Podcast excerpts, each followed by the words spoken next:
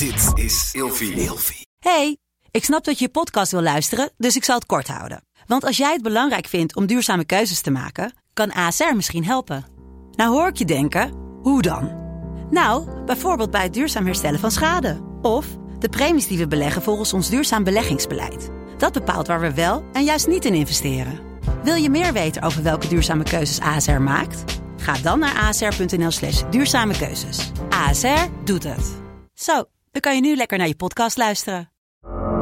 Wat je ook ziet, er zit vaak een gat tussen het autoritair vanuit een non-competentie optreden of vanuit een autoriteit competent optreden. En dat is natuurlijk gewoon de opleiding die je meekrijgt.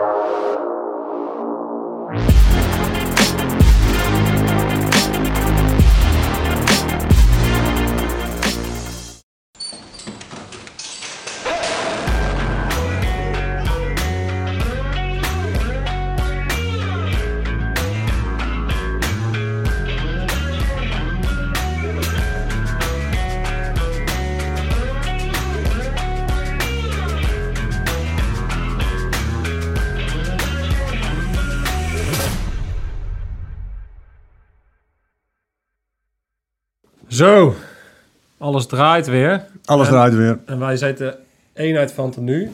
En waarom zouden wij in godsnaam deze fantastische t-shirts weer aan hebben? Dat heeft te maken met het feit dat wij voor het eerst een, een gast hebben die we nog een keer hebben uitgenodigd. Dus dat moet wel heel bijzonder zijn. Hij was onze eerste gast. En hij is ook onze eerste twee keer hier zijn geweest gast. Dus aflevering 15 met niemand minder dan Erwin van Beek, eigenaar eh CrossFit, uh, Reebok CrossFit 020. Eh, we hebben hem al uitgebreid voorgesteld in aflevering 3. Eh, Erwin, Ja, welkom. sorry, Welkom jongen, hij zit weer eh, te appen. Ik bedoel, Nee, nee, eh, nee. ik heb, Doe dat ding nou eens weg. ik Dames en heren, ik heb ik eh, tien jaar geleden zat ik naast eh, hem eh, in de woestijn, helemaal alleen.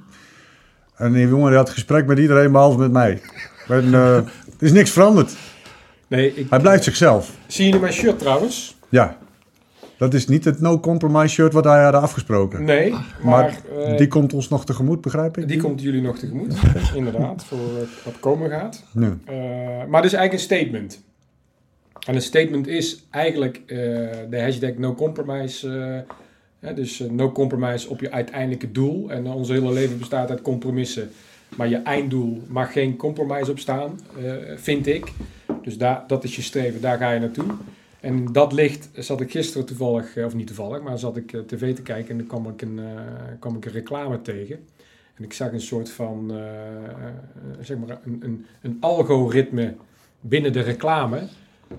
is dat ten eerste tweeërlei eigenlijk. Ten eerste zie ik dat heel veel mannen in reclame tegenwoordig weggezet worden als, als een soort van, ja, Sukkel. Try-up. ja, ja, nou precies dat. Hè? Ik bedoel, eh, de, mag ik een merknamen noemen hier wel toch? Ja, zeker. Ja, Jumbo. De- de- ja, die gaan we va- gewoon factureren. De Jumbo-reclame, hele, hele leuke acteur. Die Hele leuke factureren acteur. wel, ja. Eh, weet die Frank eh, nog wat, maar het maakt niet uit. Chappe chap. Maar die wordt natuurlijk wel echt weggezet als een sukkeltje die nog geen, nog geen boodschap kan doen, weet je wel. En je hebt ook zo'n reclame dat, eh, dat je mannen allerlei klusjes ziet doen eh, voor het gezin. Maar dat zie je dan heel sukkelig opgenomen dat hij in, de, in, in een één druppeltje regelen met een kliko naar de voorkant van de straat moet lopen. En dat wordt dan al gezien als een overwinning voor die... Vroeger had je natuurlijk de reclame van de Marlboro Man, die op zijn paard zat te roken en eh, dat was stoer. Eh, nou is roken natuurlijk heel slecht, maar het- karakter wat ze weg wilden zetten was wel heel duidelijk een mannelijk karakter. En tegenwoordig zie je dus helemaal dat dat hele karakter eh, van dat mannelijk zijn gewoon helemaal weggevallen is. En, ja, en gisteren, eh, als klap op de vuurpijl, zat ik een sierere reclame te krijgen over angststoornissen. En eh, dat ging dan over, eh, kom uit voor je angststoornissen en angsten zijn oké. En we doen dan ook nog een shirt aan om aan te geven dat dat oké is. En dan begonnen ze met, ja, ik heb angst voor in een lift te stappen. Ik heb angst om naast een lantaarnpaal te staan. Ik heb ang- angst voor een bakje koffie in de morgen. Je kan het niet zo gek bedenken, maar er is een label opgeplakt van angst, angst, angst, angst, angst. En dan gaan we ook nog een shirt aantrekken dat dat allemaal oké is. Dus hoeveel slachtoffers wil je creëren en hoeveel slachtoffers wil je mensen opplakken, hè, labels, waardoor mensen gewoon in de slachtofferrol blijven hangen. En zich zo voelen en de hele maatschappij zich zo gaat draaien. En toen dacht ik, nou dit, ik ben Marvel-fan. dit is de shirt van The Punisher. Vind ik een, een hele romantische serie. Eh, en die, die straft slechte mensen ik zeg, kunnen we niet een beetje, een beetje terug naar de mannelijkheid? En, en de vrouwelijkheid, hè, de echte vrouwelijkheid en de echte mannelijkheid. En daarbij hoort elkaar een beetje straffen, jezelf straffen, eh, hoort daar ook bij op een positieve manier. Ja. Hè, en we gaan het ook over training hebben. Dus eh, jezelf straffen in een training op een positieve manier. Eh, dan heb je het over echt trainen in plaats van eh, selfies maken. Nou, dat, dat- ik vind een mooi, een mooi voorbeeld wat je noemt. Hè. De, de, de, de oudste van ons, die is nu tien. En die heeft een hele tijd lang, was hij gewoon bang. Gewoon bang poepert. Bang om naar boven te gaan, bang om in zijn nest te liggen. En wat wij gingen doen, waren allerlei zaken organiseren, zodat hij niet bang hoefde te zijn. Ja, Dus hij kreeg een bel, kreeg hij bij zijn bed. Als hij daarop drukte, dan ging hij bij ons beneden pingpong. En dan... en zo on, en zo on. En wat wij eigenlijk deden, eh, mijn vrouw en ik, was zijn angst voeden. Niet door ehm, ehm, te zeggen van, oh, je hoeft niet bang te zijn. Nee, maar wij gaven hem middelen om niet bang te hoeven zijn. ja, En dat was eigenlijk een bevestiging van het feit dat hij...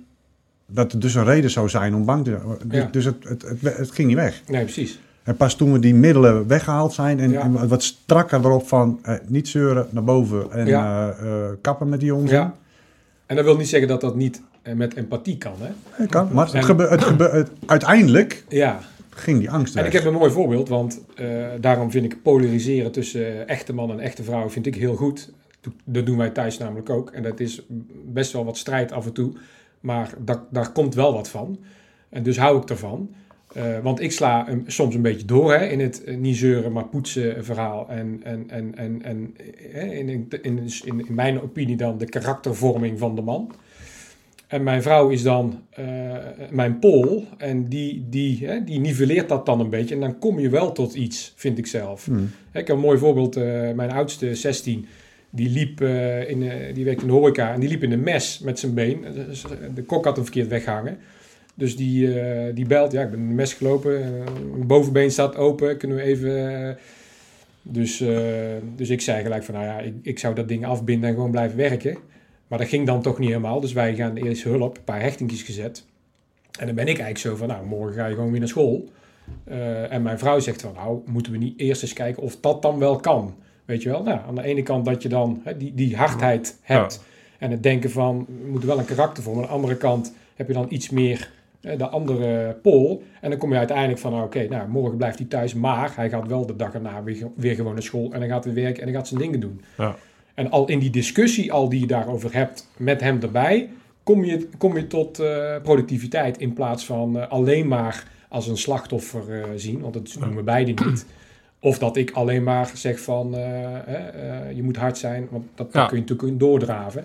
Dan moet je natuurlijk ook af en toe een spiegel eh, voorhouden. Ne- Nederland is een van de meest eh, feminine samenlevingen Ja. van, de, van de wereld. En Ja. dat, is, dat, is, dat is geen. eh, dat, is, dat is een feit. Hè. Daar zijn onderzoeken naar gedaan. En wij, hebben heel erg, wij zijn heel erg gebaseerd op feminine waarden. Dus, dus dat is natuurlijk voor een, voor een alfaman is dat niet altijd de, de meest ideale plek.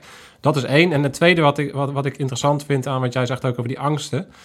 Ehm, hoe we daarmee in Nederland omgaan. En laatst eh, zag ik een, eh, een interview met een psychotherapeut. En die zei ook van het is eigenlijk heel raar dat als jij bij een eh, dat jij iets hebt, je hebt iets meegemaakt, dat, dat de, de cultuur waarbij daar geholpen wordt, dus je gaat naar een psycholoog, dat je daar dan over gaat praten. ja. En dan moet je naar de pijn toe en dan moet je daarover gaan praten. En dan, Ja. en dan, blijf je daarover praten. En dan heb je sessies en de sessies en de sessies. ja. En zij, zij zei eigenlijk van... Dat is eigenlijk heel raar. Als je naar de dokter gaat, eh, dan wil jij gewoon... Je hebt, je hebt ergens pijn en dan wordt dat eh, verholpen. Dus je Ja. ga- je, gaat dan kijken van hoe, hoe, je- hoe je dat weghaalt. En Precies. wij zijn inmiddels zijn wij een soort van... Ja, als je er maar eh, over blijft praten, dan los je het op. Het Nog kan geen- goed zijn om erover te praten. Ik zeg niet dat het Nee, niet nee, goed is, maar, precies. maar op een gegeven moment moet er ook, Ja. moet er ook gewoon iets gebeuren. En dan Nee. moet je ook kunnen zeggen van... Oké, we gaan verder en we gaan vooruitkijken. Maar, en het gekke is nog, want ik vind praten erover ook niet verkeerd, maar het is de setting waarin je praat die bepalend is. Ja. Dus dat betekent, ik ben ook bijvoorbeeld, eh, ik doe best wel veel burn-out trajecten nu.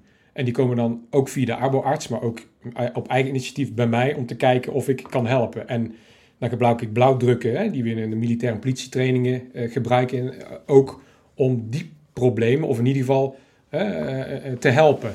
En dan zeg ik altijd, ik ben geen therapeut. Ik zeg, maar ja, ik heb een aantal ervaringen, ook met anderen, hoe ik mensen help in training en conditionering erin. En dan begin ik altijd ten eerste, ik zie jullie niet als slachtoffer. Dus die komen zitten, gaan bij mijn stoel zitten. Ik zeg, je bent geen slachtoffer voor mij. Laat dat duidelijk zijn. En eigenlijk zie je dan al een soort verandering bij die mensen van, oké, want als ze naar de psycholoog, psychiater, ik zeg niet bij iedereen, Maar hè, ik snap. ja. maar over de noemer gesproken worden Ja. zij als slachtoffer weggezet. Mhm. En ik ben er dan dus ook niet van om eh, bijvoorbeeld die mens eh, eh, in een groep te zetten die allemaal hetzelfde hebben. Want daar kom je eigenlijk niet verder mee. Nee, En als je, die samen gaan praten, praten ze elkaar eigenlijk continu nog in die slachtofferrol. waar je je mee omringt. Waarmee je omringt. Dus ik plaats die mensen juist met mensen die het misschien mee hebben gemaakt. Hè? Dus dat er een, een diversiteit is in de groep. Ja. Waar zeker ook tegenpolen zijn. Daarom vind, vind ik het woord polariseren mag tegenwoordig niet meer. Maar ik ben ervoor. Ja. Om te zeggen, nee, zet daar eens een sterk karakter tegenover. Die enorm kan relativeren. Ook met ervaring en competentie. En laat dat, dat nou eens samen gaan en samen gaan trainen. En Ja. dat blijkt gewoon hartstikke goed te werken. Wat, wat ik wel interessant vind, is dat jij dus met de burn-out... eh, ik heb ook met burn-out te maken gehad, niet zelf. Maar ik heb een, vriend, eh, een eh, vriendin die dat heeft eh, meegemaakt. En wat ik, waar ik daar tegenaan liep, was dat hoe ik in het leven sta... Afra-rechts werkte Ja, eh, bij haar. En wat, Ja. wat, hoe ik dingen aanpak, als ik het ergens moeilijk mee heb... Dan ga ik niet in de vijfde versnelling, maar ga ik naar de zesde, naar de zevende. Als de zevende niet werkt, dan ga ik naar de achter, achtste versnelling. Herkenbaar. En ik ga net zo lang door die muur heen, totdat Ja. ik er doorheen ben. Maar dat werkt bij een, bij een burn-out averechts. Dus ik vind Ja. het wel interessant om te zien... Jij bent uit hetzelfde hout gesneden. Ja. Jij, gaat, jij, gaat, jij herkent dat. ja.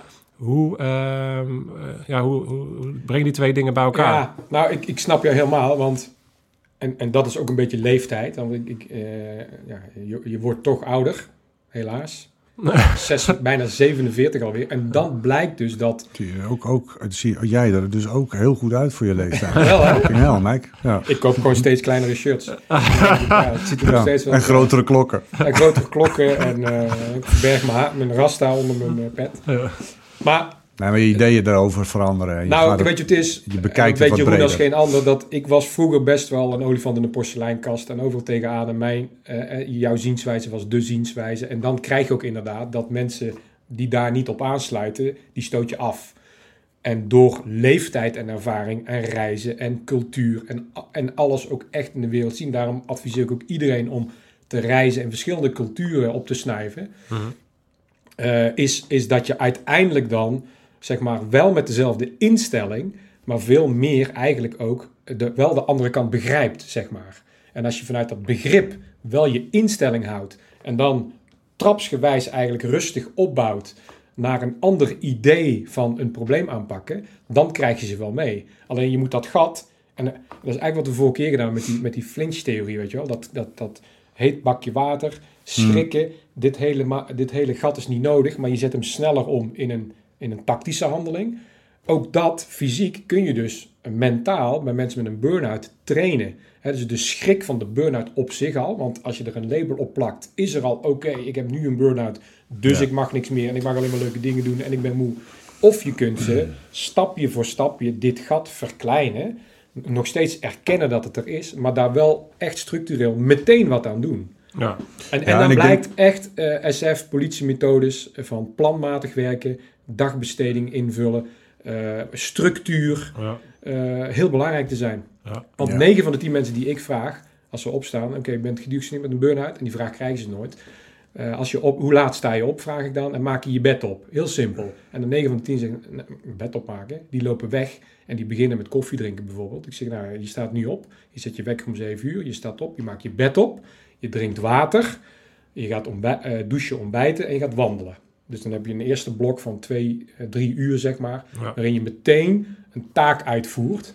En dat alleen al blijkt heel goed te werken, eh, zonder te veel druk op te leggen. Ja. Ja, en wat ik denk heel belangrijk is in, de- in dit verhaal, is dat je met name processen die eh, zeg maar eh, vanuit een primaire functie invloed hebben op je. En burn-out krijg je niet bewust, die is er in één keer. Ja. Door dat soort processen ook eh, eh, mensen te laten inzien, hè, Ja. dus cognitief te maken, maakt ook al dat mensen er op een hele andere manier naar gaan kijken en veel Ja. beter keuzes kunnen maken Ja. van welke kant wil ik op. Ja, En niet in die pishoek blijven zitten van, eh, van eh, oh ik ben zo zielig. ja. ja, heel de wereld wordt Ja. echt als slachtoffer. En ik denk ook, Mark, dat jij ook, misschien heb je zelf ook wel...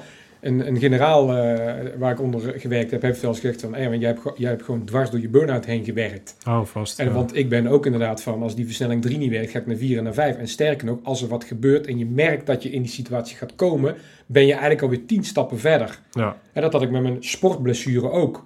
Triple hernia artrose, ik lag op de grond. En ik was al, al meteen bezig met een herstelplan maken. Ja. En, en daarom is de stelregel van als je een angst ergens hebt, zo snel mogelijk, hè, een auto-ongeluk of een vliegtuig, die niet, zo snel mogelijk weer toch dat doen Ja. maar dan wel onder de juiste begeleiding, is denk ik essentieel in alles waar je maar slachtoffer van kunt zijn. Ja. Ja. Ik moet even een kleine, kleine kanttekening. Ik ben het helemaal met je eens. Ik moet wel een kleine kanttekening aan, want ik weet zeker dat er mensen zitten te kijken ehm, die eh, denken: ja, ik ben het eh, in theorie met je eens, maar de mensen die een echte, echte, echte burn-out Nee. hebben gehad, die, die, die kunnen niet eens een bed Nee, opmaken. En dat, dat, dat, dus daar zit wel een. eh, wat jij vertelt werkt voor een bepaalde doelgroep Ja. met een bepaalde soort Ja. burn-out. Er is ook een, ook een groep mensen waarbij dat niet werkt. Maar kijk, Denk ik. De, de, eh, waarheid, hè? En, en ik ben wel voor om iets zwart-wit weg te zetten. Ja, ja. En dan wordt het uiteindelijk grijs en mensen maken erin gewoon een keuze, zeg maar. Ja. Hè, maar daarin geef ik wel duidelijk sturing. En zij geven bij mij in ieder geval zelf heel duidelijk aan wat wel of niet werkt. Ja. Dus op het moment dat ik dan ook merk, ja, dat gaat gewoon nog niet. Ja.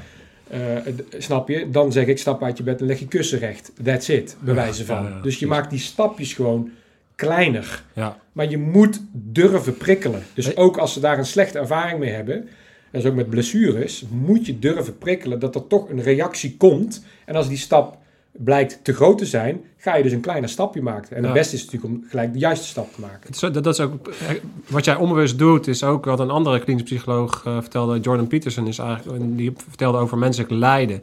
Ja, Dus hoe meer jij lijdt, hoe meer het tijdsbesef korter wordt. Dus, eh, dus als jij weinig lijdt, dan kan je, ben je bezig met dromen, Ja. je bent bezig met lange plannen, Ja. je bent bezig Ja. met, met allemaal. Maar Ja. hoe meer jij ziek wordt, ja, hoe, en dan leef je bijna van seconde tot seconde. Dan ben je blij dat je de volgende Ja. minuut haalt. En op een gegeven moment als je Precies. dat haalt, dan kan je, hey, ik ben blij dat ik de Ja. volgende tien minuten haal. ja. Dus dan, Ja, is- eigenlijk heeft hij het over die Maslow-pyramide weer natuurlijk. En we staan in Nederland, zeg maar, over het algemeen allemaal boos op die Mas- Maslow-pyramide te zwaaien met een vlag. En op zoek naar maximale zelfontplooiing, weet je wel. Ja. Dus eh, ik zeg dan ook wel vaak van, nou, ik wil je wel even naar Afghanistan overzetten of naar Syrië overzetten. Eh, ik zeg, kijk hoe je dan voelt. Ik denk dat dan 90% van jouw problemen op dit moment meteen wegvallen. Omdat je primair wordt gedwongen in een situatie waarin overleven belangrijker is ja. primaire leven. En dat, kan helemaal, dat, is, dat is helemaal niet verkeerd, hè? Want dan, dan blijkt het in één keer dat je wel dingen kan. En vanuit die eh, basis bouw je dan weer je training op. Ja, nou, vorige week hadden we een, eh hadden we Raouf hier, vl- vl- een eh, vluchteling. Ja, en en ja. die, die had ook, daar hebben we het ook over slachtofferschap gehad. En bij hem kwam het niet, komt het niet eens op Nee. Nee. om over zichzelf als slachtoffer te denken. Hij omdat hij uit een hele andere mindset niet komt. Nee. Hij is echt, ik vond het fantastisch. Ja, Dat is gewoon, dat blijkt, eh, het zijn hele verhaal was van ik weiger. Slachtoffer, wat is dat? ja, En dat, is, dat, dat Ja. sluit aan op, op, Ja. op jouw statement van eh Ja. woord, wees mannen, heb een beetje eer. En wees, ja, wees ook weer een beetje een kerel in Nederland. En durf ook gewoon Ja. eh, een kerel te zijn. En het is niet erg om, eh, dat er verschillen zijn tussen mannen en vrouwen. En eh, zorg gewoon dat je eigenaarschap voor je... Ja, en, en, je boodschap, je, een boodschappen doen binnen het gezin als man is natuurlijk gewoon prima. Tuurlijk. Maar dan ga je godverdomme, als een, als Ja, een wervelwind ga je langs die dingen en dan trap je eh, zo'n heel eh, wagentje vol en eh, je versiert de kassa-juffrouw er nog bij als je weggaat. Mijn vrouw zegt ook van, ik Kom je ga met thuis- jou en- en dan kom- doen, en dan want kom je thuis. veel te hard door die winkel en ik wil alles kijken. Ik zeg, nou, dan ga je lekker alleen. Ja. zeg maar, dan, eh, maar inderdaad, kijk, en ik wil niet zeggen de boodschappenstichting, maar als jij, als jij die reclame ziet waarin de man weggezet wordt, eh, dat hij nauwelijks, hè, dat hij als een sulletje, Ja, het wordt een karikatuur wordt van een karikatuur van, Ja. van mannelijkheid. En dan kun je wel zeggen, ja, het is, het is natuurlijk ook uitvergroot, maar het is wel typisch dat het wel, zeg maar, de regel wordt. En dat vroeger de regel was de Marlboro Man, weet je wel. En, eh, en James Dean in, in, in een cabrio en eh, dat soort reclame-iconen. Ja. dus dat is, toch, dat is toch wel anders. Ja, eens. Hey, wat, ehm, we gaan het vandaag... eh, eh, bedankt voor je statement. We gaan het vandaag hebben... eh, je wilde iets... De Punisher. De Punisher, motherfucker. Ja. Ehm, zo zullen veel mensen in jouw sportschool ook over jou denken. Als je weer een brute training neerzet. als, het, als het wat positief gebeurt. Ja, Ja. Over Je kan niet negatief... Want, Hoe is het Ik bedoel, je kan me niet wegzetten als een negatief... Want ik ben er wel voor dat in docentschap en coachschap... Moet er, je kunt alleen maar eh, de, het positieve coachen. Maar dat wil niet zeggen dat je een beker uit moet delen... voor iemand die alleen maar zijn best doet. Want je best doen Nee, is soms nee. niet genoeg. We hebben het de vorige keer ook over gehad. Nee, Ja. Ik denk dat prikkelen op de juiste manier Juist. heel belangrijk is. Juist. Want door prikkeling eh, eh, word je, en groeien word je sterker, Ja. letterlijk. Hè? Ja. Als jij in het koude water springt, dan eh, gaat jouw lichaam op dat moment werken om weer meer Ja. tegen dat soort eh, weerstanden Ja. Ja, te wat, kunnen. wat straal je eigenlijk uit als je een troostprijs uit... eh, stel je hebt een wedstrijd en er komt iemand als laatste binnen. En wat, wat straal je dan eigenlijk uit naar diegene als je dan zegt een eye over de bal Ja. en hier heb je ook een medaille? Waar gaat dat eigenlijk Ja. over? ja, ik hoorde pas zelfs een verhaal dat er voetbalwedstrijden in de jeugd georganiseerd werden. Dat, er werd er geen winnaar meer aangewezen in het jeugdvoetbal. Ja. Want dat was dan, eh, weet je wel, denk ik, oh, oké, dus we, we mogen niet meer winnen. Ja, dat mag niet meer. Maar, maar, maar, Ja, maar, maar de mens is winnen. De het de- feit dat je hier bent, op, op- überhaupt, Ja, je bent al een Ja. winnaar, omdat jij het eerste zaadje Ja. bent die godverdomme die maar wedstrijd, het wedstrijd leven is gewonnen. winnen. Maar het leven is winnen, want we hebben- zijn allemaal onderheen. De, de- het leven is pijn lijden. Hè? Eh, eh, in, in de zin van, we moeten vooruit, eh, we moeten trainen. Je lijf eh, wordt eh, op termijn brokkelt weer af en daar vecht je tegen. En, en dat is elke, ja, elke keer zijn dat hordes die je weer opnieuw moet nemen. Maar als je in, in de jeugd al dat weg gaat nemen, dat niks meer hoeft, maar wel alles mag. En je krijgt troostprijzen Nou ja, en je krijgt niks meer prijzen hoeft. voor je best doen. De, de, er wordt een, een sfeer gecreëerd waarin niets meer moeite hoeft te kosten. Ja. Dus als, alles- jij, als, jij met voetballen, als jij met voetballen een toernooi wint, dan heeft dat moeite gekost en dan krijg je Ja. een beker voor. Ja, En nou hebben we geen winnaar meer, maar iedereen krijgt een beker. Noem maar ja. wat. Ah, maar We dat, is hebben helemaal- dat, hebben we helemaal niet nodig. Wij, wij, wij hebben, we, we moeten onszelf onder druk zetten. Je wil, je wil die weerstand voelen. Je wil het Ja. gevoel hebben dat je, dat, je, dat je dan daar doorheen Ja. komt. ja. En, en dat, is, dat is waar we Maar ik moet zeggen, drijven. dat is ook best moeilijk hoor. Want eh, nu wordt het voor mij wat makkelijker omdat ik ouder ben. En mensen, zeg maar, die op die manier ook gecoacht willen worden, die komen ook hè, natuurlijk naar je toe. En daar vallen er dan ook weer een aantal van af. Mhm. Waarbij die coaching gewoon niet past of ze kunnen hem niet handelen. Maar ik, ik, ik heb mezelf nu dermate goed leren kennen de afgelopen 20, 25 jaar. Dat je denkt, ja, ik kan het niet anders meer doen. En ik sta er ook achter. Ja. Dus ik blijf op die manier wel mijn coaching inrichten. Of je coachen, of je gaat je boodschappen bij de Jumbo doen. Maar niet allebei. Ja, of je Ja. trekt een shirt aan, ik ben bang. Hè, dat mag. ik trek mijn Punisher shirt wel aan. Ja, dat mag. Ja.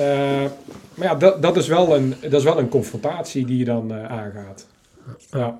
Nou, dat, is ook, wel- dat is ook wel weer mooi. Ik bedoel, daar groei je toch zelf ook wel weer van. Als je dat soort, als je geconfronteerd wordt met het feit dat iemand eh, tegen jou zegt van ja, sorry, maar dit, dit past mij niet. Is ook zo. En, maar er zijn ook mensen die het verschrikkelijk moeilijk hebben met die manier van coachen. En die je dus echt met die mini stap. En dat vind ik dan weer wel een uitdaging, weet je wel. Dan denk ik, wow, wat een... Want soms zou je zeggen, nou, ik, kan ik hem niet gewoon, ik kan gewoon niet iemand een paar klappen verkopen om het duidelijk te maken. Maar dan denk je, nee, Erwin, dat is niet de manier. dus je moet ze het wel proberen echt over te brengen als mentor. Ja. Maar dat is, dat is wel de uitdaging. En ik vind, ik vind alle respect voor mensen die dan ook blijven, die dat wel dan opzoeken. En dat is natuurlijk al stap één. Ja. En er zijn altijd mensen die lopen er van weg. Maar ja, die, die, ja, ik denk dat ze ook vaak... En het- soms past het ook gewoon niet. hoor. Soms zeg ik ook van, joh, het is beter dat je iemand anders zoekt... want ik kan jou niet helpen, bijvoorbeeld. Dat kan natuurlijk ook. Ja, En bij een ander komen ze dan wel weer helemaal tot hun recht. ja, Ja, dat, dat is ook prima. Ja, dat denk ik ook. Hey, wat, ehm, vorige keer hebben we een eh, casus eh, besproken. Om even de overstap te maken. En, ehm, en die casus ging toen...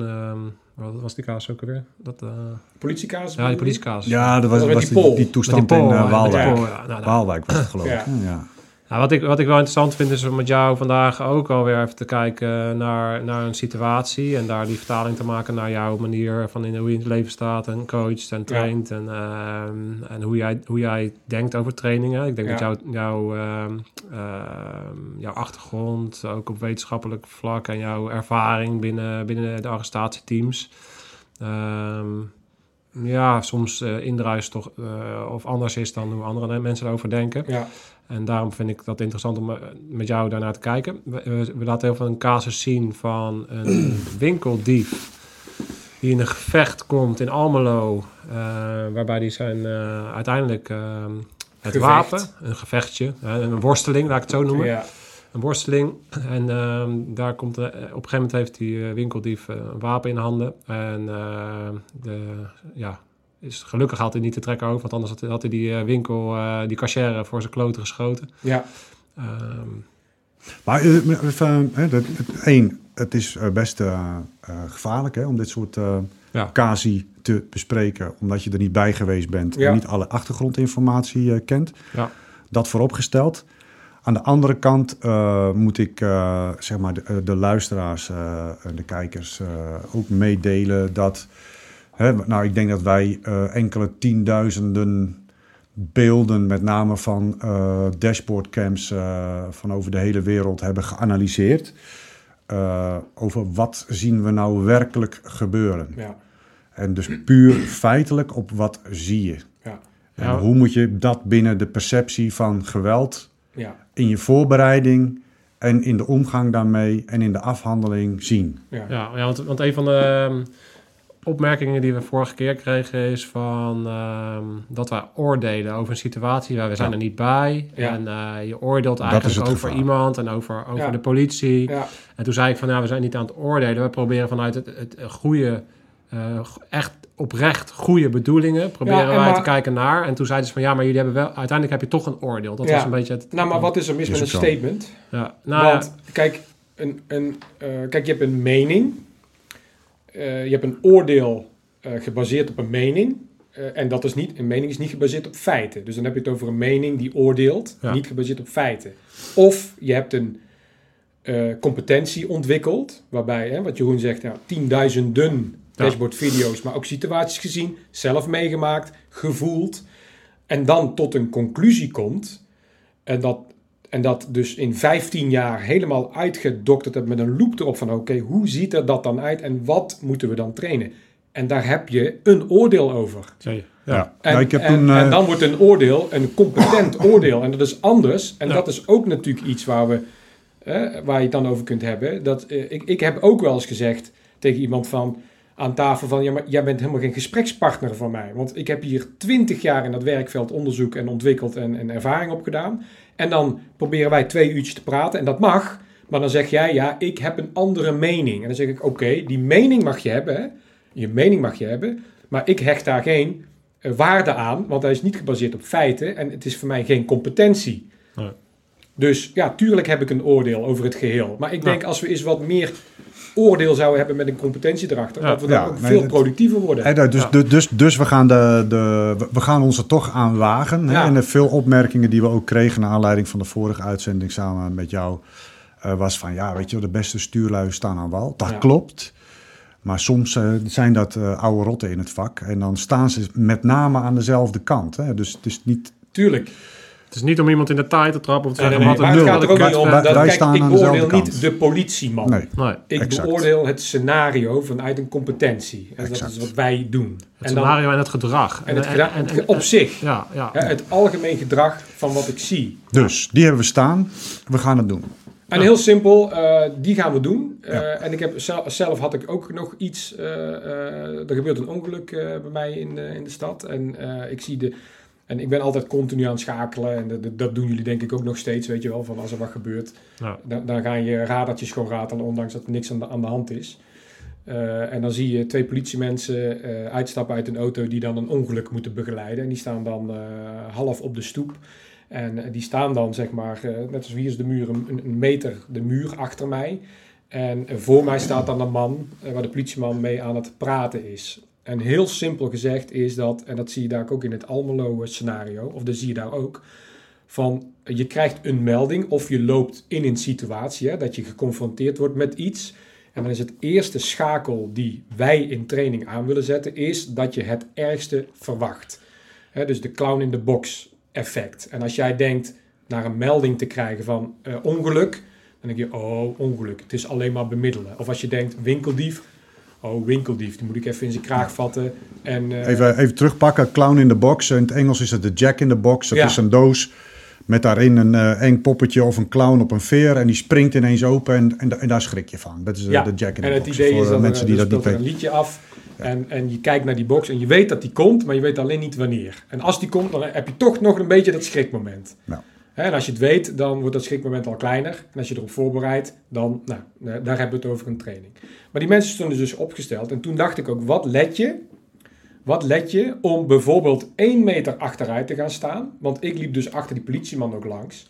Hè, met zijn wapenkant eh, naar mij. En, en ik denk, ja, als ik, als ik hem iets wil doen of ik ga me mee bemoeien... dan heb je eigenlijk heel snel een situatie zoals je dat ziet in Almelo bijvoorbeeld. Dat je een worsteling kan krijgen voor een wapen of whatever. Als hij één meter terugstapt met zijn rug eh, naar die muur toe... waardoor hij een breed beeld heeft van het overzicht wat er voor hem gebeurt... kan er in ieder geval niemand meer achter hem langs lopen.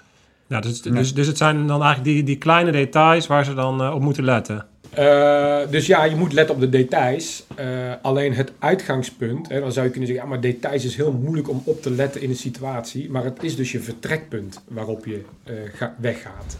En als je vertrekpunt eigenlijk heel simpel gezegd worst case scenario denken is, vanuit dat ambush moment, hè, vanuit het verrassingseffect, zo van oké, ik ga nu naar een bemiddeling in een ongeluk o- eh, en, en je denkt eigenlijk al, oké, het, het gaat uit de hand lopen en wat zou ik doen als, en dan moeten er drie, vier, vijf scenario's die het meest voorkomend zijn, eh, moeten door je hoofd gaan. En Ja. daar moet je eh, al aanrijden, moet je plannen van maken en afspraken van maken. Het is, een, het is ook een soort eh, denkwijze. Hè. Ik hoor ook vaak van militairen of die een bepaalde achtergrond hebben. En ik merk dat ik dat zelf ook nog wel eens heb. Als je een bepaalde ruimte in komt, het eerste wat je doet is... oké, uitgang daar, uitgangen daar. Ik ga, en dan dat je op een bepaalde manier gaat Ja. zitten. Ja, Ja, dat- zelfs als je helemaal geen dreiging hoeft te verwachten... Nee. denk je nog steeds op, op een dergelijke Zal ik manier. je eens een rare gewoonte vertellen? Als, als ik naar een public restroom ga, zeg maar, dan sta ik altijd dwars op de wc te plassen.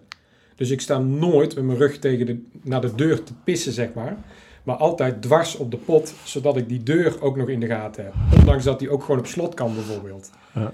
Ik heb ooit eens meegemaakt in, eh, in Amerika bij een actie dat ik, dat ik in de wc stond en die deur in mijn rug kreeg en dat ik bijna voor in de pot eh, eindigde en dat ik daaruit moest herstellen. Ik denk, dit gaat me niet nog een keer overkomen. dus tegenwoordig sta ik er dwars op. Ja. En ze zeggen ook vaak, ervaring krijg je pas net nadat je het nodig hebt. Ja. Dus, dus uit ervaring moet je dan ook leren.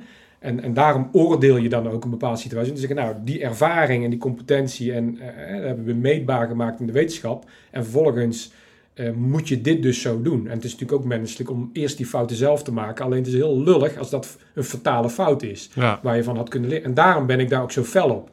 Hè, want anders denk je van, nou weet je wat, zoek het uit en maak je fouten. Ja, sorry, je fout was fataal. Ja, dat gaat wel heel ver. Dus ik kan je in ieder geval een aantal dingen vertellen van doe dit nou niet. Ja. En dat, dat kan niet anders dan streng. Ja. Want anders, eh, snap je, anders dan, anders dan Als je zegt van, nou ja, misschien eh, dit of dat. En ja, dan, eh, komt, daar, komt, komt over. Nou ja, dat is ook goed, weet Ja. je wel. Eh, ja, dat gaat niet. Nou ja, en als, je- als, je, als je dat dan, want dat filmpje van jouw situatie bij dat ongeluk hebben we natuurlijk niet kunnen laten zien. Nee. Iedereen kan wel even meekijken naar de, Ja. naar de situatie in Almelo. Hoe, hoe vertaal je dat dan? wat zou je daarover willen delen? Nou, je ziet, je ziet een aantal beelden. Eh, en ik, ik koppel ze eigenlijk aan concepten. En ik zou met strepen en pijlen zou ik wel kunnen zeggen natuurlijk van waar je je naartoe beweegt, hoe je gaat staan en, en wat je dan doet. Mhm. Dus misschien is dat goed om de volgende keer strepen te zetten en pijlen te zetten, dat ze nog dan in die situatie zien. Mhm. Alleen nu, omdat ik de beelden niet nu erbij heb, eh, is, praat ik alleen even in concepten, zeg maar. Hè? Ja? Dus eh, even terug naar het begin, is dat ik ken niet heel de situatie anders dan dat ik hem gezien heb. Dus je hebt twee mogelijkheden hier, is dat ze eh, tegen die winkeldief aanlopen bewijzen van, hè, dat het eh, acuut is en iemand roept winkeldief en daar is die. Of ze hebben een melding gehad. In beide situaties eh, is er relatief tijd en ruimte om te plannen, zeg maar. Dus je moet zorgen dat de initiële, het initiële uitgangspunt, zoals ik net heb verteld, altijd is worst case scenario.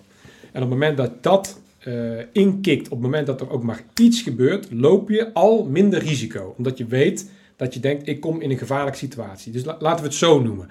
Je krijgt een melding of je ziet iets en je denkt, gevaarlijk. In plaats van, weet je wel, ik stap daarin en ik zie het allemaal wel. Want dan overkomt het je.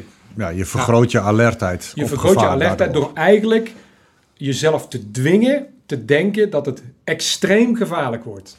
Vanuit de beelden die ik heb gezien kan je niet, denk ik, niet concluderen dat ze dat niet hebben gedaan. Misschien hebben zijn ze daar naartoe nee, nee, gegaan. precies. Maar dat is één. Dat is dus stap één.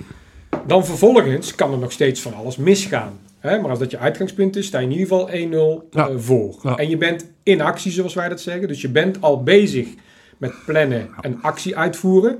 In eerste instantie mentaal en later fysiek. Ja. En vervolgens stap je dan zo'n situatie in. Nou, dan krijg je een Kan je- tweede. Heel veel nog de eerste Ja. stap. Uh, Hoe zou je dat dus concreet kunnen maken? Zijn, zijn dingetjes als omstanders, situatie, wie gaat waar staan, eh, hoe, Nou, hoe ja, gaan we op de verdachte af? Ja, Zijn- nou, ja, precies. Want dat is eigenlijk al de volgende stap. Oké, Dus eigenlijk... eh, eh, Je mindset moet erop gericht Ja. zijn. Mindset. Ik ga nu een Ja. situatie in. dus Dat is een winkeldiefstal. ja. En, daar kan het gigantisch uit de hand lopen. Ja. En wij hebben letterlijk wel eens eh, in trainingen, zeg maar, in scenario's eh, door speakers eh, gespeeld. De clown in de box muziekje. Hè, dan gaat... Tet, tet, tet, en dan ah, komt dat... En op het moment dat jij dus in een situatie... Je, kan alles nemen wat je zelf wil doen. Hè. Dus je moet een trigger hebben die jou zegt... Oké, nu moet ik alert zijn, want dat wordt extreem gevaarlijk. En voor ons was dat de clown in de box. Het principe de clown in de box en het muziekje horen. En op het moment dat het muziekje horen begint te eh, spelen in je hoofd... denk je, oké, die clown komt, dus ik moet voorbereid zijn. En, en, en vaak komt die clown dan niet, maar dan was je er wel op voorbereid. En vaak kwam die clown niet. Waarom niet? Omdat je erop voorbereid was. Ja. Dat betekent mentaal in actie en dan fysiek in actie. En dan, als je ziet in die situatie, eh, is het ook, hè, het woord daadkracht is natuurlijk een, eh, hè, dat, dat snapt wel iedereen. Maar om het, eh, om het daadwerkelijk te doen, daadkrachtig optreden, is heel verschrikkelijk moeilijk Ja. voor, een, voor een politieman. Die ook, tele- hè, het is dus ook opgenomen met een telefoontje, Ja, die, daar aan denkt. Dus die denkt allerlei dingen eromheen. Daar hebben we het daar nog wel eventjes over, die hij eigenlijk niet zou moeten denken. Het enige wat hij moet denken is, eh, is de casus op zich, zeg maar. En niet wat er na die casus zou kunnen gebeuren met bijvoorbeeld publieke opinie. nee. Dat is niet belangrijk op dat moment. Nee, maar dus dat het is gevecht natuurlijk- met jezelf, hè? Ja, maar dat is natuurlijk Gevecht. wel wat, het, wat, wat, wat je heel vaak ziet. Ja, precies. Dus in training is het startpunt. Het gevecht met jezelf daarin winnen. Dan het ge- gevecht. En dat kan mentaal gevecht zijn met het scenario. Ik noem het dan even gevecht. Maar dat geeft het ook wel gelijk gewicht en het belang ervan. Ja. Dus daarom noem ik het ook gevecht. Het gevecht met de ander of de situatie. En vervolgens het gevecht met eh, publieke opinie en, en de regelgeving. Ja. En als je dat goed kan, dan is daadkrachtig vanuit dat oogpunt eh, optreden, is vaak ook proportioneler en meer, meer subsidiair, zeg maar. Dus Ja. je gebruikt minder geweld door dat protocol te volgen, in plaats van dat je het uit de hand laat lopen. En dat Ja. zien we er ook wel in het filmpje terug, Ja. want het had echt, echt gigantisch uit de hand kunnen lopen. Ja, Nou, Dus in het geval van dat filmpje nogmaals, zou je dan kunnen zeggen van startpunt, eh, je ziet eh, die eh, verdachte en vervolgens heb je maar eigenlijk maar één veilige afstand voor die politiemannen en dat is verschrikkelijk dicht op die verdachte en meteen fixeren en blokkeren in zijn gedrag en handelen. Nou, daarbij zijn handen heel belangrijk. Hè? Dus als je de handen controleert, kan die in ieder geval niet naar wapens pakken.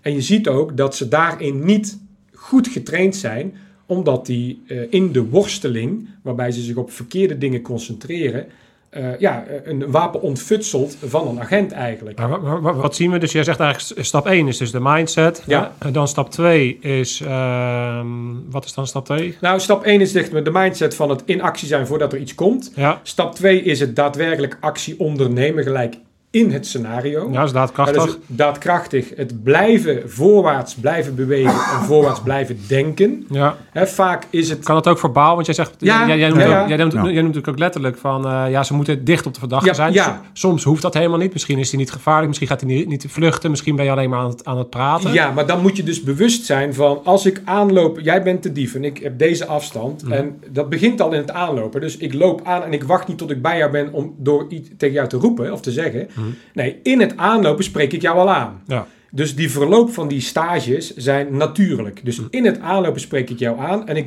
en ik, maar ik ben alweer de volgende stap verder. Want ik heb al afgewogen. Als hij niet meteen reageert, stap ik door. Ja. Want dan is de enige veilige afstand is bij jou. Escalatie. Dus je hebt een bepaalde escalatie in je, in je gedrag. Op dat moment al ben je al bezig met de volgende stap. Ja, maar dat, is geen, dat noem ik de-escalatie. Ik plaats een actie, maar daarmee Ja. deescaleer ik. Sterker nog, ik haal de angel uit het gevaar. Ja, wat je nu, wat je, wat je heel vaak ziet gebeuren, ehm, eh, is dat de, de eh, de-escaleren wordt gezien als eh, eh, praten, politie, rustig blijven, laat vallen, dwabbelen. En, en dat doet, wordt gedaan vanuit een achterwaartse, letterlijk vanuit een achterwaartse beweging. Hè? Ja. Afstand creëren tussen eh, eh, hetgeen waar je eh, bijgeroepen wordt en, en wat je moet oplossen en jezelf. En in plaats van dat dat de-escaleert, escaleert dat vaak. Maar ik snap Met jouw andere woorden, wel, want wij hebben natuurlijk in eerste instantie ook, als je zeg maar een drill doet die dat traint, Ja. dan krijg je heel snel de opinie van buiten, als ze niet weten wat er gebeurt, ja, maar eh, jullie proberen vechtmachines te maken. Nee, nee, nee. Wij proberen actieve mensen te maken die vooruitdenken Ja. in hun mentale en fysieke actie. Ja. Nou, kijk, waarom ik escaleren noem, is omdat hoe ik dan denk, is ik kom wat verdacht aan. Ik heb een bepaald doel. Ik spreek hem aan, want ik wil dat hij reageert op Ja. hetgene wat ik hem wil laten doen. Of het nou is van, ik ga op je knieën zitten, eh, blijf staan, hou je mond. Wat het ook is wat ik wil dat hij doet. Als hij dat dus niet doet, dan is mijn volgende stap, oké, wat kan ik dan doen? Oké, dan wil ik dichter op hem en dan wil ik hem... Dus daarom denk ik, denk denk dat- ik in escaleren, ik in de aanval, Precies. aanval Ja, ja. denk. ja, ik denk Ja, dat dat het een beetje mindset way, is ja. vanuit AT politieachtergrond en militaire antiterreurachtergrond. Ja. En daar, daar, daar zou je het makkelijker escaleren kunnen noemen, terwijl dat ook de-escalatie... eh, Uiteindelijk gaat het- In de, in de, Ja. ja. uiteindelijk is het hetzelfde, Ja, wat we- ja, ja. maar het gaat even om, de, de, Om, de- om het effect. zegt. Om, Ja, ja. Hè, dus, dus het instappen, het, het aanspreken in het aanlopen al, hè, als, die, als dat de situatie ook mogelijk maakt. Maar als, wat jij net zei omstanders, eh, je, je kan ook gewoon die fase bewijzen van overslaan als het rumoerig om je heen is. Om gewoon door te stappen en, en bij die man gewoon de juiste houding aan te nemen. En dan hoef je hem niet meteen fors aan te pakken, maar dan sta je wel dichtbij. Dus door hem aan te tikken of door, door op een bepaalde manier bij hem te gaan staan, schakel je eigenlijk onbewust, want je hebt het over roofdier en prooi hè, in dit geval. Hè. En onbewust bij verdachten spelen er gewoon processen van kom ik hier mee weg of kom ik hier niet bij weg. Gewoon kansberekenaars. Ja. En op het moment dat ze denken dat ze een kans hebben om ermee weg te komen, ja, dan zullen ze die kans grijpen. En op het moment dat je ze dus een centimeter geeft om te bewegen, dat zag je, zie je ook, dan gaan ze bewegen. Ja. Niet eens met de mindset om te verwonden of te doden of schade aan te richten, maar gewoon omdat ze de ruimte krijgen, gaan ze moeilijk doen. Ja. En, en de politie, vind ik, heeft het geweldsmonopolie. Mhm. En ik vind ook dat we genoeg middelen hebben en genoeg wetten hebben om dat uit te voeren. Dus de discussie hoeft helemaal niet te gaan over eh, betere bewapening of tasers of nog meer wetten, nog meer bevoegdheden. Wat willen we meer hebben als, als, het, als het, eh, het, geweldsmonopolie? Ja. En de artikelen die eronder hangen, wanneer je dat toe mag passen. Alleen, we wachten te lang vaak om adequaat in te grijpen. En dat kan dus verbaal of fysiek zijn, of in stand en houding en uitstraling zijn. Ja. En dan escaleert de situatie. Ja, het zit, er- zit hem dan zo, zoiets kleins wat, wat eh, denk ik eh, heel snel gemist wordt. Dus alleen al in het aanlopen. Als, Ja. jij, als jij dus die, de juiste mindset hebt, dus je hebt stap 1 Ja. op de goede manier Ja. gedaan, dan kom je op een bepaalde manier open, waardoor de verdachte de focus meteen heeft van oké, Ja. hier komt iemand op mij af, die is vastberaden. Terwijl als je aankomt lopen en denkt van, oh, eh, Ja. er, zijn, er zijn omstanders, Ja. zou, ik, zou ik alvast mijn hand Ja. bij mijn wapen doen? Of, Ja, Dan twijfel je. Ja. En die twijfel in zo'n situatie, wat dan eigenlijk een soort twee dieren zijn die tegenover elkaar staan, ja. dat zal die ruiken, proeven. Want die Precies. verdachte is alleen maar bezig. Oh shit, ik, Juist. moet, ik, ik moet hier weg. En dat is niet eens een heel bewust proces bij die verdachte, maar dat is een dierlijk proces. Ja. we moeten dus af van al die cognitieve gedachten vaak. Ja. Maar moet- we moeten dat ook eens gewoon heel primair bekijken. En publieke opinie is dan ook nog van... Ja, maar dat komt intimiderend over. Maar als ik tegen jou zeg... eh, Politie, eh, u bent bij deze staande gehouden, ik noem maar wat... en jij luistert niet... dan mag ik toch als politie daadkrachtig optreden. Alleen, wat je ook ziet... er zit vaak een gat tussen het autoritair... vanuit een non-competentie optreden... of vanuit een autoriteit competent optreden. En dat is natuurlijk gewoon de opleiding die je meekrijgt. Ik vind ook dat eh, in mijn situatie die waren twee hele jonge politieagenten die daar op straat stonden. En ik denk, ja, ze zijn net twintig volgens mij. Het feit, dat feit alleen al vind ik een, verkeerde, een soort van verkeerde... Niks zeggend over de ja, ja. Maar ik zeg van, zet daar een ervaren, wat oudere man bij. Een autoriteit. Ja. Met een jonge eh, en met een rookie erbij. Zoals we bij het Corps Mariniers doen we dat ook. Je hebt een jonge luitenant, een oude onderofficier. Precies, het is, het is er allemaal al, Ja. alleen je moet het bij elkaar brengen. En Ja. dan wordt de leus meer blauw op straat, wordt ook echt lulkoek meer blauw op straat. Kijk, in Ja. die situaties die je kan schetsen, kun je zeggen: Oké, ik kan daar zes politiemannen wegzetten. En dan gebeurt het nog steeds wat gebeurt wat er op het filmpje gezien is. Waarom? Omdat ze niet adequaat opgeleid zijn. Of je kan zeggen: Ik kan daar twee goed opgeleide mensen eh, wegzetten. En dan gebeurt het niet meer. Ja. Situaties duren korter, daadkrachtiger, maar wel vanuit een competentie en niet overschreeuwen. Niet vanuit een uh, uh, autoritair gedrag, maar gewoon, gewoon normaal. Het is grappig dat die, die spraakverwarring die op dat eh, daadkrachtige optreden dan verstaat, is eigenlijk een beetje hetzelfde wat je nu hebt over de- het eerste onderwerp waar we het over hadden, mannelijkheid. Mannelijk wordt vaak eh, nu ineens, eh, echte mannen worden verward met machtsmisbruik Ja. en vrouwen onderdrukken. Ja. dat is geen mannelijkheid. Nee. Maar dat is, dat is zo door elkaar geraakt. En datzelfde Ja. met, het, met het daadkrachtige optreden. Als je iemand die niet competent is en dan heel autoritair op een hele rare manier ineens veel te, veel Precies. te daadkrachtig optreedt. Ja, dan krijg je rare situaties. Ja. Maar als iemand vanuit Dan een krijg je MeToo-situaties. Ja, Nou, ook, ik heb ook een sit- een situatie een keer in, in gewoon een burgersituatie, dat ik met vrienden op stap was. En eh, eh, dat, we, dat, dat, dat een, een vriend van mij krijgt woorden met iemand anders en dat dreigt een beetje te escaleren. En eh, men, moet, men moet dus niet denken dat ik daar dan tussen ga staan als, als, als een punisher en eh, die boel wel eens uit elkaar sla en zo hebben gewonnen. Helemaal niet. Want het ging erom dat, eh, dat iemand zijn wel of niet eh, eh, andermans biertje zou gepakt zou hebben van een tafel. Ja. Dus ik zeg, jongens, doe eens even rustig. Zeg, wat was het probleem? Weet je wat? Allebei een nieuw biertje, klaar. Weet je wel? Ik trakteer. Gelijk, gelijk klaar. Maar het is de manier waarop je er staat, hoe je erbij staat, hoe je iemand aankijkt, wat het gevoel erbij is.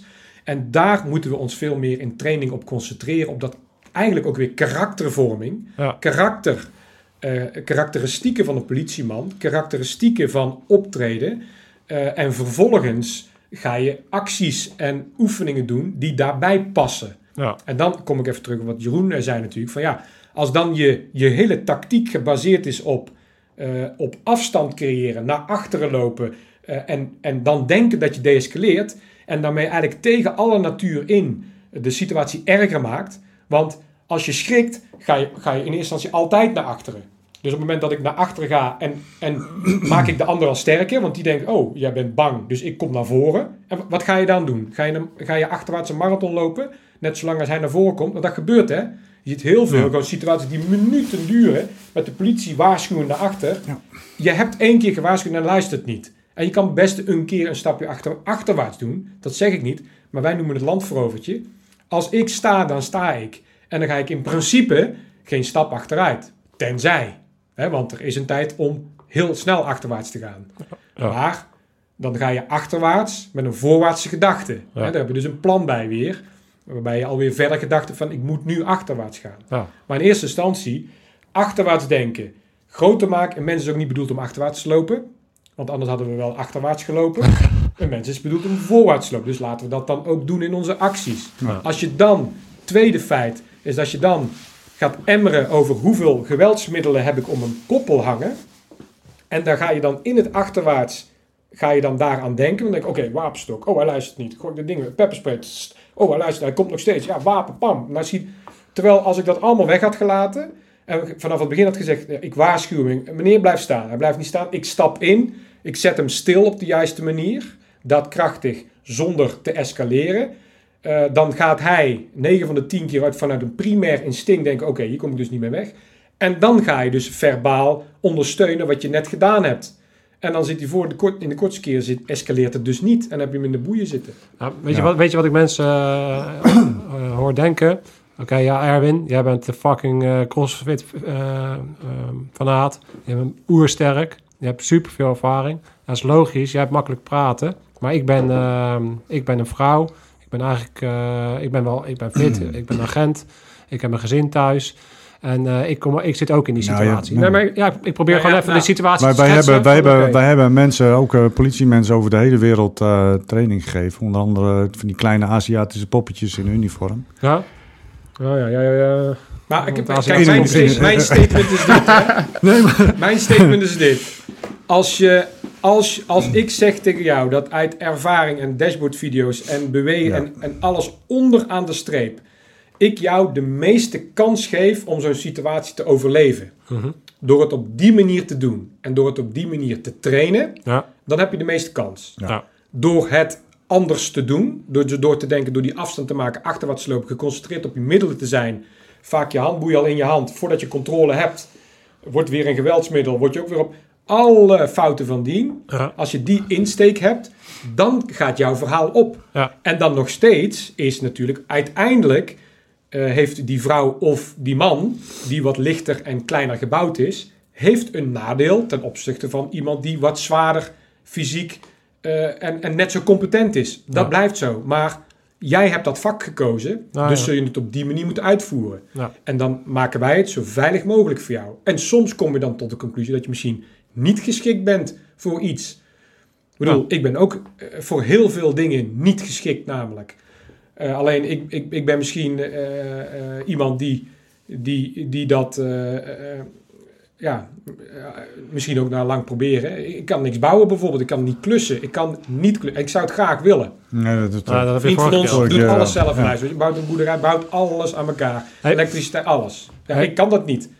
Maar als we dan weer eventjes... eh, als je kijkt naar naar de casus. Die, Deze casus. Nou, maar als je kijkt vindt naar, nee, hoe, de, hoe, hij, dat- is, er, is dit, hè? hoe jij dat uitlegt. Het- Wat, wat eigenlijk eh, eh, raar is, is eh, bij, eh, bij de AT is het eigenlijk de standaard procedure zo snel mogelijk richting die verdachte en hem onder controle krijgen. Ja, Dus eigenlijk alles wat jij nu aangeeft, is daarin al, al een, een standaard procedure. Ja. Als er tijdens het overbruggen van die afstand iets gebeurt wat anders is dan we, we hebben hem snel te pakken, dan, dan moet daarin geschakeld worden. ja, Dan pas.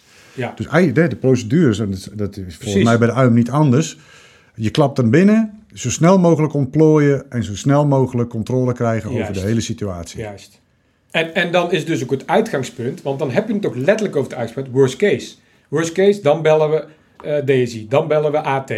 Maar dan weten we al, oh, dan is het wel worst case. Maar wij geven altijd aan, er is geen, er is geen typering van verdachte. Dus die winkeldief wordt de moordenaar als die schiet. Ja. Hè? En of hij pakt een pistool en hij houdt de politie. Wordt een, wordt een gijzelingsactie. Dus het, het is maar hoe je de tijdsbalk bekijkt. eh, wat er daarna gebeurt. Ja. En hoe ver laat je dat toe en in hoeverre bereid je je daarop voor? Dus worst case denken, het voorwaarts denken en het voorwaarts gaan, is gewoon al honderd jaar bewezen de beste tactiek. Alleen op welk niveau en hoe je dat doet, dat is dan die training die wij verzorgen. Ja.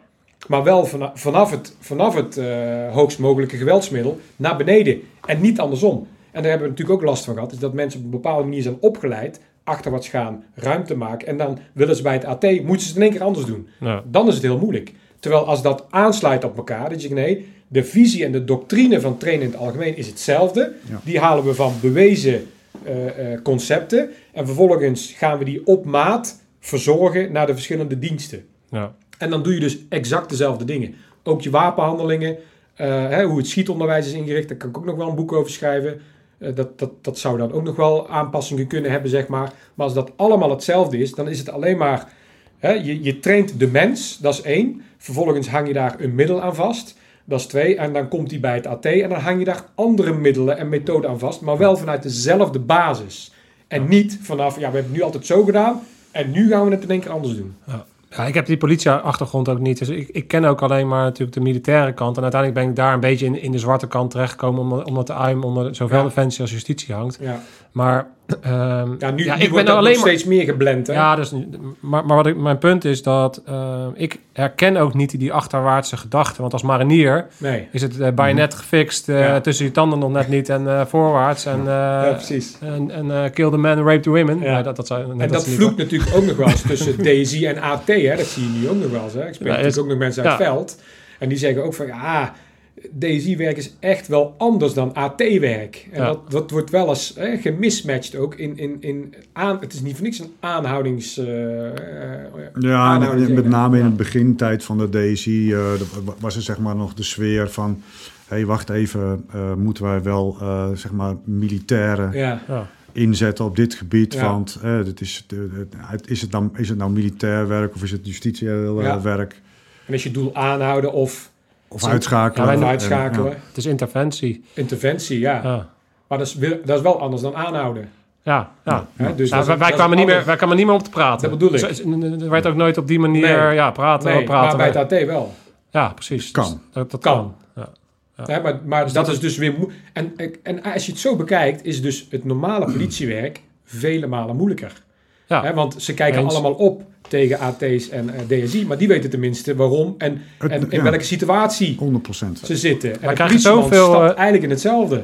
We krijgen zoveel jo- eh, jonge gasten die dan inderdaad dat pad willen bewandelen. En die dan denken van ja, maar ik wil geen hoofdagent worden. En, Ja. ik- en dat hebben we al vaker over gehad. Dat is de, de beste weg. Daarin Ja. leer je eh, zoveel kanten Ja. van het leven, van het werk, van de Precies. organisatie. Van, je, je rugzak kan je Ja. vullen met, met daarom ben ik ook zo fel in hoe we die mensen opleiden. Ja, ja, Hè, ja. want de start daarin eh, is daar essentieel. En een slechte ervaring op straat als politieman Ja. kan je, je je hele carrière achtervolgen. En bijvoorbeeld als je ambities hebt bij het AT, kan, kan er gewoon als sneeuw voor de zon verdwijnen, omdat je een slechte ervaring hebt gehad waar je niet meer uitkomt, Ja. bij wijze van. Ja. En die, ba die basis is zo belangrijk. En dan denk ik van ja, want ze vonden me toen ook altijd te streng, eh, Jeroen, toch? Of ons. Hè, want, eh, Ja, ik- vooral ik- jou. ja, vooral wij. Nu ben ik wat milder, maar ik wil wel zeggen van... we hebben natuurlijk ook ooit wel eens de reclame gehad, die pet past iedereen. Ja, die pet past niet iedereen. Oh ja. Die past niet iedereen. Nee. Je, hebt, je hebt een verantwoordelijkheid, je hebt een wapen en... eh, ja, en dat, daar, hoort, daar hoort wel een, een, type bij, een type mens bij ook. En dat is dus ook niet voor iedereen. Zoals ook niet iedereen timmerman is of iedereen chauffeur of whatever. Nee, ik had, ik had een, eh, een, volgens mij via Instagram kreeg ik een vraag. Hey Mac. Ik ben nu net aan het Instagrammen. Nee, maar ik kreeg een vraag van een, eh, van, eh, van, van een dame die eh, op, op, op het punt staat om wapendragend te worden. Ik, volgens mij niet bij de politie, maar bij een onderdeel van justitie misschien. Ja. Ik weet ik niet wat. Het zei ze, heb je nog tips? Ik zeg van, nou ja, ik zeg, mijn, de enige tip die ik daarin kan geven, is dat voordat je wapendragend wordt, met jezelf moet afspreken dat als er een situatie komt waarbinnen je dat ding moet gaan gebruiken, dat je het ook gaat doen. Precies. En dat je dat doet in de wetenschap, dat zo'n apparaat er niet voor gemaakt is om iemand bang te maken, maar Ja. om iemand dood te maken. Ja, En zolang je dat besef niet heel bewust hebt overwonnen ja, en hebt gezegd van joh, ik hoop dat het nooit gebeurt, maar als het gebeurt, ja, dan doe ik het met droge ogen. ja, Als je dat niet tegen jezelf kunt zeggen, ja. moet je er niet aan beginnen. En, en heb ik, want kijk, en, en, eh, 100% eh sta ik helemaal achter. En wat ik ook vaak merk is dat mensen dus denken, en misschien zou naar, naar zo'n podcast ook weer kunnen denken, dat wij bijvoorbeeld geen angsten zouden hebben of iets. Hè? Maar ik denk, eh, topsport en ook dit werk eh, wil je ook vaak doen uit een bepaalde angst die je hebt. Hè? Want ik, ik ben altijd wel, heel eerlijk, angstig geweest om in alleen hoe je omgaat met die angst en je wil naar die angst toe, dat is zeg maar een heel ander dan dat je de omdraait en van die angst wegloopt. Ja. En dan de voorbereiding denk je, oké, ik moet me tot in de puntjes voorbereiden en dan hoop ik maar dat ik goed genoeg getraind ben om in die situatie te handelen zoals ik het moet doen. Ja, en de ene keer gaat het beter dan de andere keer. En, en elke keer als ik weer in zo'n situatie kwam, en, en dat ge- gebruik ik eigenlijk nu ook privé dan, weet je wel, dan stap je er toch ook weer met een, ma- een mate van angst in. Alleen die mate van angst is positieve angst en die zet je om in daadwerkelijke actie. Maar dat wil niet zeggen dat, dat ik geen faalangst heb, want heel veel van mijn prestaties zijn echt geboren uit een bepaald soort faalangst. Maar wel een gedrevenheid. Ik, ik denk dat het in een bepaalde zin heel simpel is. Je hebt, je hebt angst, is er, iedereen heeft angsten, Ja. maar er zijn twee manieren. Je zet hem of achter je Ja, en dan, dan is het je brandstof, Ja. of je zet hem voor je en het houdt je tegen. precies. En dat is, dat is gewoon ook een mindset. Ik heb ook wel eens mijn broek, broek onder gepist. Maar ik denk, ja, laat maar lopen. Ja, maar dat, dat was we- zeker na een paar biertjes. eh, nee, echt niet. Nee, dat was ook gewoon eh, in, een, eh, in een actie, zeg maar. Dat ik denk, eh, wat gebeurt er nou? Ja. Komt komt niet ophouden. Ja, ik, Oh. heb, ik heb het niet gezegd, maar het is wel... Ik denk, ja... En het is ook te verklaren, want je lijf, zeg maar, eh, maakt... Nou, nou had ik ook veel te veel water gedronken. dus ik kon ook gelijk, eh, wel een kameel eh, in mijn blaas.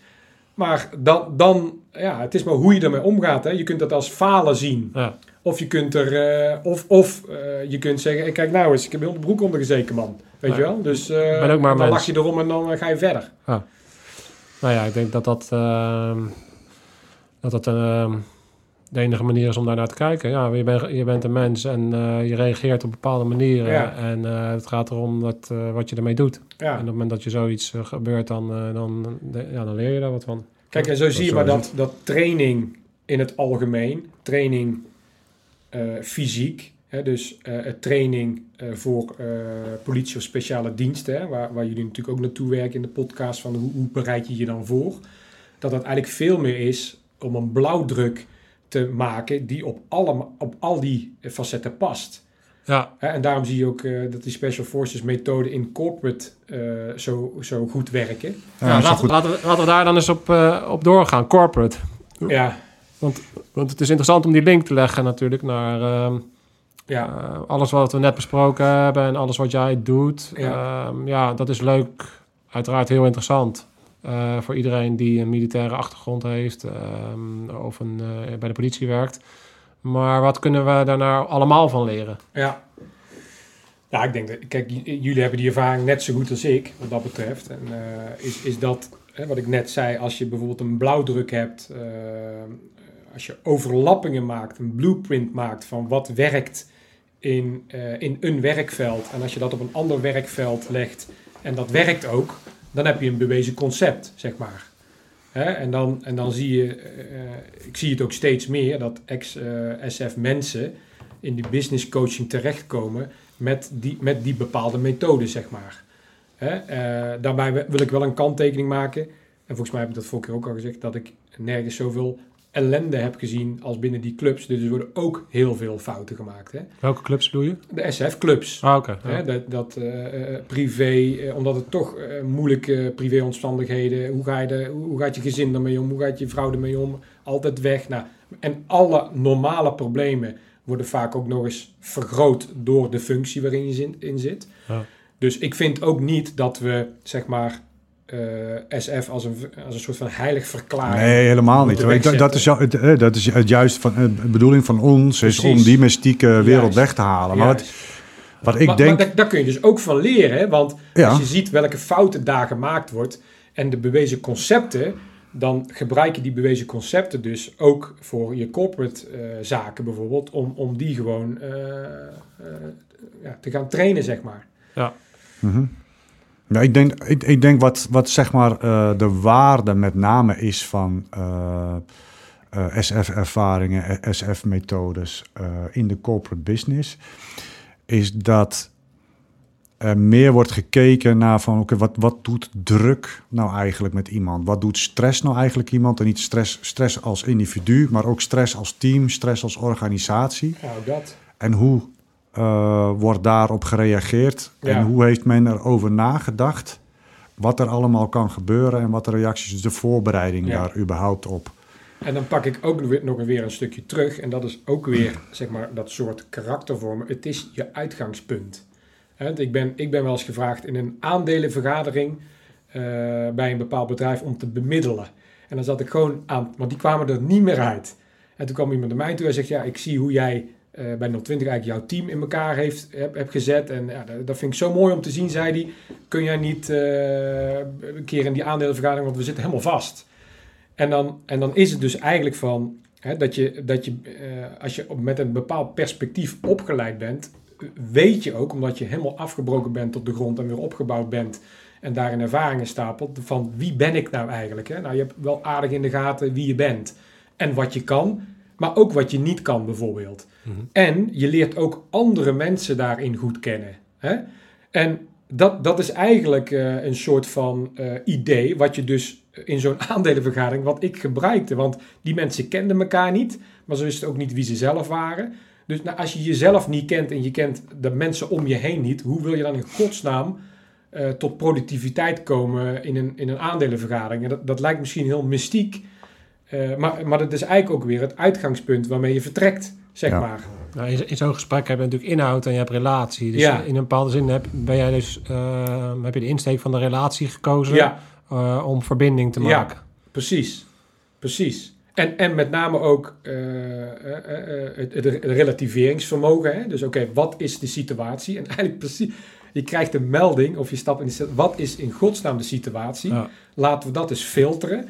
Maak een plan. Welke poppetjes staan aan welke kant en hoe gaan we daar dan mee om? En spreek elkaar gewoon erop aan. En dan blijkt ook dat het heel moeilijk is voor mensen, corporate, om daadwerkelijk te zeggen wat er mis is, zeg maar, of wat, het, wat hun gevoel is. Hè? Ja. En eh, ja, dan heb ik het over gevoel, eh, Jeroen. Hè, ik, ben, ik ben ook gewoon maar ik, ik, heb, ik heb ook, ik, ik zit nou, verbazing. Nee, maar- ja, een met, met, nee, maar ik, jij wordt echt oud, Mac. Nee, lieve, li- nee, lieve mensen. Ik, ik, ken, ik, ik, ik ken Erwin al, eh, al een behoorlijke tijd. En eh, zeg maar, wij zijn ook jonge honden geweest. En toen, eh, toen hadden we het over eh, eh, eh, gevoel. eh eh, pak een tissue en eh ga weg. Ja. Eh, en, en, en nee, dit, dit is mooi, Erwin. Want dit is precies wat, eh, ehm, wat ik zeg maar terugkijkend op die tijd niet gemist heb. Maar wa- wa- wa- wat wel altijd Ja. aanwezig is geweest. ja. Alleen we wilden het niet zo benoemen. Nee. En dan kom ik weer terug op die polarisatie, want ik heb daar heel veel van mijn hu- huidige vrouw geleerd, zeg maar, die dan continu die spiegel voorhoudt. Van, eh, om ook zeg maar echt die gevoelskant wel gewoon te erkennen en daar dus mee om te gaan, maar wel vanuit mijn eigen vertrekpunt. En als je dat dus koppelt, dan heb je in één keer weer een meerwaarde voor zo'n corporate bedrijf. Ja. En, en het gevoel uitspreken. Ik heb ook wel eens een bus getekend bij iemand. Ik zeg, ja, nou, luister. Ik zeg, wat is er nou moeilijk? Want die had problemen met zijn manager. Wat is er nou moeilijk? Ik zeg, je zit in de bus en die, bus, en die buschauffeur die, die, die rijdt veel te hard door de stad, weet ik veel. Ik zeg, wat doe je dan? Ja, weet ik niet. Ik zeg, nou, je gaat naar die buschauffeur, tikt op zijn schouder en zegt, joh, kan je wel rustiger rijden, want eh, het komt niet goed zo. Oh ja, dat kan, dat kan ik doen. Ik zeg, maar welke mogelijkheden heb je nog meer als die het niet doet? Eh, ik zeg, nou, je hebt een aantal mogelijkheden. Je gaat zitten, hij blijft het doen, je loopt weer op zijn schouder tikken. Ik zeg, dat kun je blijven herhalen. Hè, als dat dan is wat het is, is dat het. Je vertelt het en je accepteert dat je het moet herhalen om te vertellen, ongeacht eh, nog eventjes het resultaat. Het tweede is dat je zegt van, eh, ja, eh, ik zeg helemaal niks, hè, dat is één. Twee is continu, continu daar eh, eh, iets mee doen. Eh, en eigenlijk hebben wij dat binnen de politieacademie heel vaak gedaan. Hè? En, daar, en daar, dat, dat geeft wel een relief. Hè? Dus of je kropt alles op en je, je komt dus met een burn-out thuis te zitten. Of je zegt nee, ik blijf gewoon standvastig daarin. En ik blijf gewoon die manager of die situatie in ieder geval aanspreken op wat er mis is. En daarna ben ik het weer even kwijt. En ja, dat je het dan honderd keer moet herhalen, dat is jouw keuze om het te doen. Want de laatste keuze is om te zeggen, ja, stop de bus maar, ik stap uit. Dat is ook een keuze, hè? En daarin zie je jezelf ook weer niet als slachtoffer. Snap je? Want de eerste blijf je zitten en je accepteert de situatie. Denk, oké, ik heb ermee te maken, maar ik accepteer het. Ik ben geen slachtoffer. De tweede is, je gaat continu vertellen, ik ben geen slachtoffer. En de derde is, ik ben geen slachtoffer, ik stap uit. En dan maak je een andere keuze. Ja. En als je op die manier denkt, dan brengt dat... Het verbaasde mij dat die mensen elkaar gewoon niet durfden aan te spreken. En dat er heel veel opgekropt zat. En dat uiteindelijk op tafel eh, kwam, zeg maar. Nou, weet je, weet je wat, het- wat, wat de twee dingen die voor één zelf echt zijn in het, eh, vroeger, dus jullie- toen jullie eh, eh, gewoon de dingen deden die aan het doen waren, dat was een en al kracht. En dat is ook, denk ik, de, de kenmerk die je als, als echte man eh, meeneemt. En ik denk dat jullie op dit moment ook de, de andere kant is, is, is eigenlijk een bepaalde kwetsbaarheid. Hè, dus een kwetsbaarheid is durven zeggen, hey, ik heb ook wel eens in mijn, in mijn broek gepist. Ja, Weet je, dan ben je, daar ben je geen man minder om. Maar jij, jij kan het vanuit een kwetsbaarheid zeggen. En als je die kracht en die kwetsbaarheid bij elkaar brengt, dan word je nog krachtiger. precies. En dat is iets eh, wat je eigenlijk pas op een latere leeftijd Ja. leert. Van, eh, ja, Ja. Het is helemaal niet erg om dingen Nee. te, te hebben. Daarom geloof ik ook niet in een, een life coach of een, eh, weet je wel, li- LinkedIn staat er bomvol mee van 22, 23 jaar die, die al vier boeken hebben geschreven. Dan denk ik, hoe dan? Ga eens leven. Maak eens wat mee. Maak verhalen eerst. Maak verhalen en maak ervaring. En daarbij heb je verkeerde ervaring, heb je positieve ervaring. Je gaat studie doen en daarmee kom je je competentiecirkel helemaal rond. Dat je en het gedaan hebt en de ervaring hebt en de studie hebt. In plaats van dat jij een trucje leert eh, bij Tony Robbins. En, en, en vervolgens een, eh, zegt van, hé, hey, dat is leuk, dat ga ik ook doen. En daar, en daar luisteren mensen ook nog naar. Dat wil niet zeggen dat je het niet mag doen, maar ik vind wel, begin bij jezelf. Je zelfontwikkeling, zelfontplooiing. Vervolgens ga je dat in je directe, korte omgeving ga je dat proberen. eh, ga ook vooral reizen en geef het ook de tijd. Net als spierballen kweken. Je kan er een naald in zetten en oppompen. Nul functionaliteit en mens health cover halen. Of je kan zeggen, nee, echte kracht duurt gewoon een lifetime te ontwikkelen. Zoals echte ervaring en competentie ook een lifetime duurt. En ga daar nou eens vanuit. Ja. En uiteindelijk komen dan mensen naar jou toe om te vragen, vertel eens, eh, hoe zit dat? In plaats van dat jij met een selfie hoeft aan te geven, kijk eens wat ik kan. Ik heb, ja, dat, dat is. ik, ik sluit me daar 100% bij aan. Ik, ik heb ook gemerkt dat ik met eh, bepaalde coaches ehm, eh, als ondernemer, dat je dan wel eens merkt van ja, oké, maar hij is alleen maar coach. Ja, Hij is nooit ondernemer geweest. Ja. Dus hij kan je tot een bepaald. Kan prima coachen, Ja. maar op een bepaald moment merk, merkte ik van ja, maar wacht eens even. Nu, is- Ja. hij- nu mis ik toch die koppeling, Ja. die pijn die je soms voelt, Ja. met, met die, eh, die, die opoffering die je voelt als, als ondernemer. Dat kan je alleen maar ehm, meegeven en daarin coachen op het moment dat je zelf in de modder hebt gestaan. ja, En dat hetzelfde geldt als je een sportschool runt. Ja, natuurlijk kan je heel ver komen als je zelf geen sporter bent. Dan kan je heel veel dingen meegeven. Maar dat, daar zit wel een beperking in. Als jij eh, op, eh, als eerste Nederlander op een CrossFit Games hebt gestaan... dan kan je ergens over meepraten. Jij weet de processen, jij weet alles wat daarbij komt kijken. En Ja. dan, dan komt, dat is heel anders coachen. ja nog, nog simpeler voorbeeld is, ik heb zelf drie hernia's en artrose in mijn onderrug zitten. En dan komt een hernia-patiënt binnen. Ik weet wat die man voelt. Ja. Als die huilend bij in de stoel zit van, eh, mijn lijf wil niet meer. Ja. Of, of je hebt het niet... Hè? Kijk, en je hebt ervaring, dat is één. En daarbij moet je natuurlijk studie en competentie en, en een opleiding hebben. Maar dat samen, dus alleen ervaring is ook niet goed. Want die ervaring moet uiteindelijk getoetst zijn aan eh, alles wat er omheen eh, komt, zeg maar. Ja. Ja, maar dat, is- dat is dan weer algemeen trainen. Maar om terug, om terug te Ja, komen op corporate, corporate hadden we het over. Ja, nou ja dat, dat, het dus, dat het dus eigenlijk blauwdrukken zijn die je, die je op een situatie kan, kan leggen. En je moet dus zoeken eh, naar overeenkomsten van verschillende scenario's. En als je die overeenkomsten herkent in allerlei situaties, dan is dat waar je je op concentreert, zeg maar. Ja.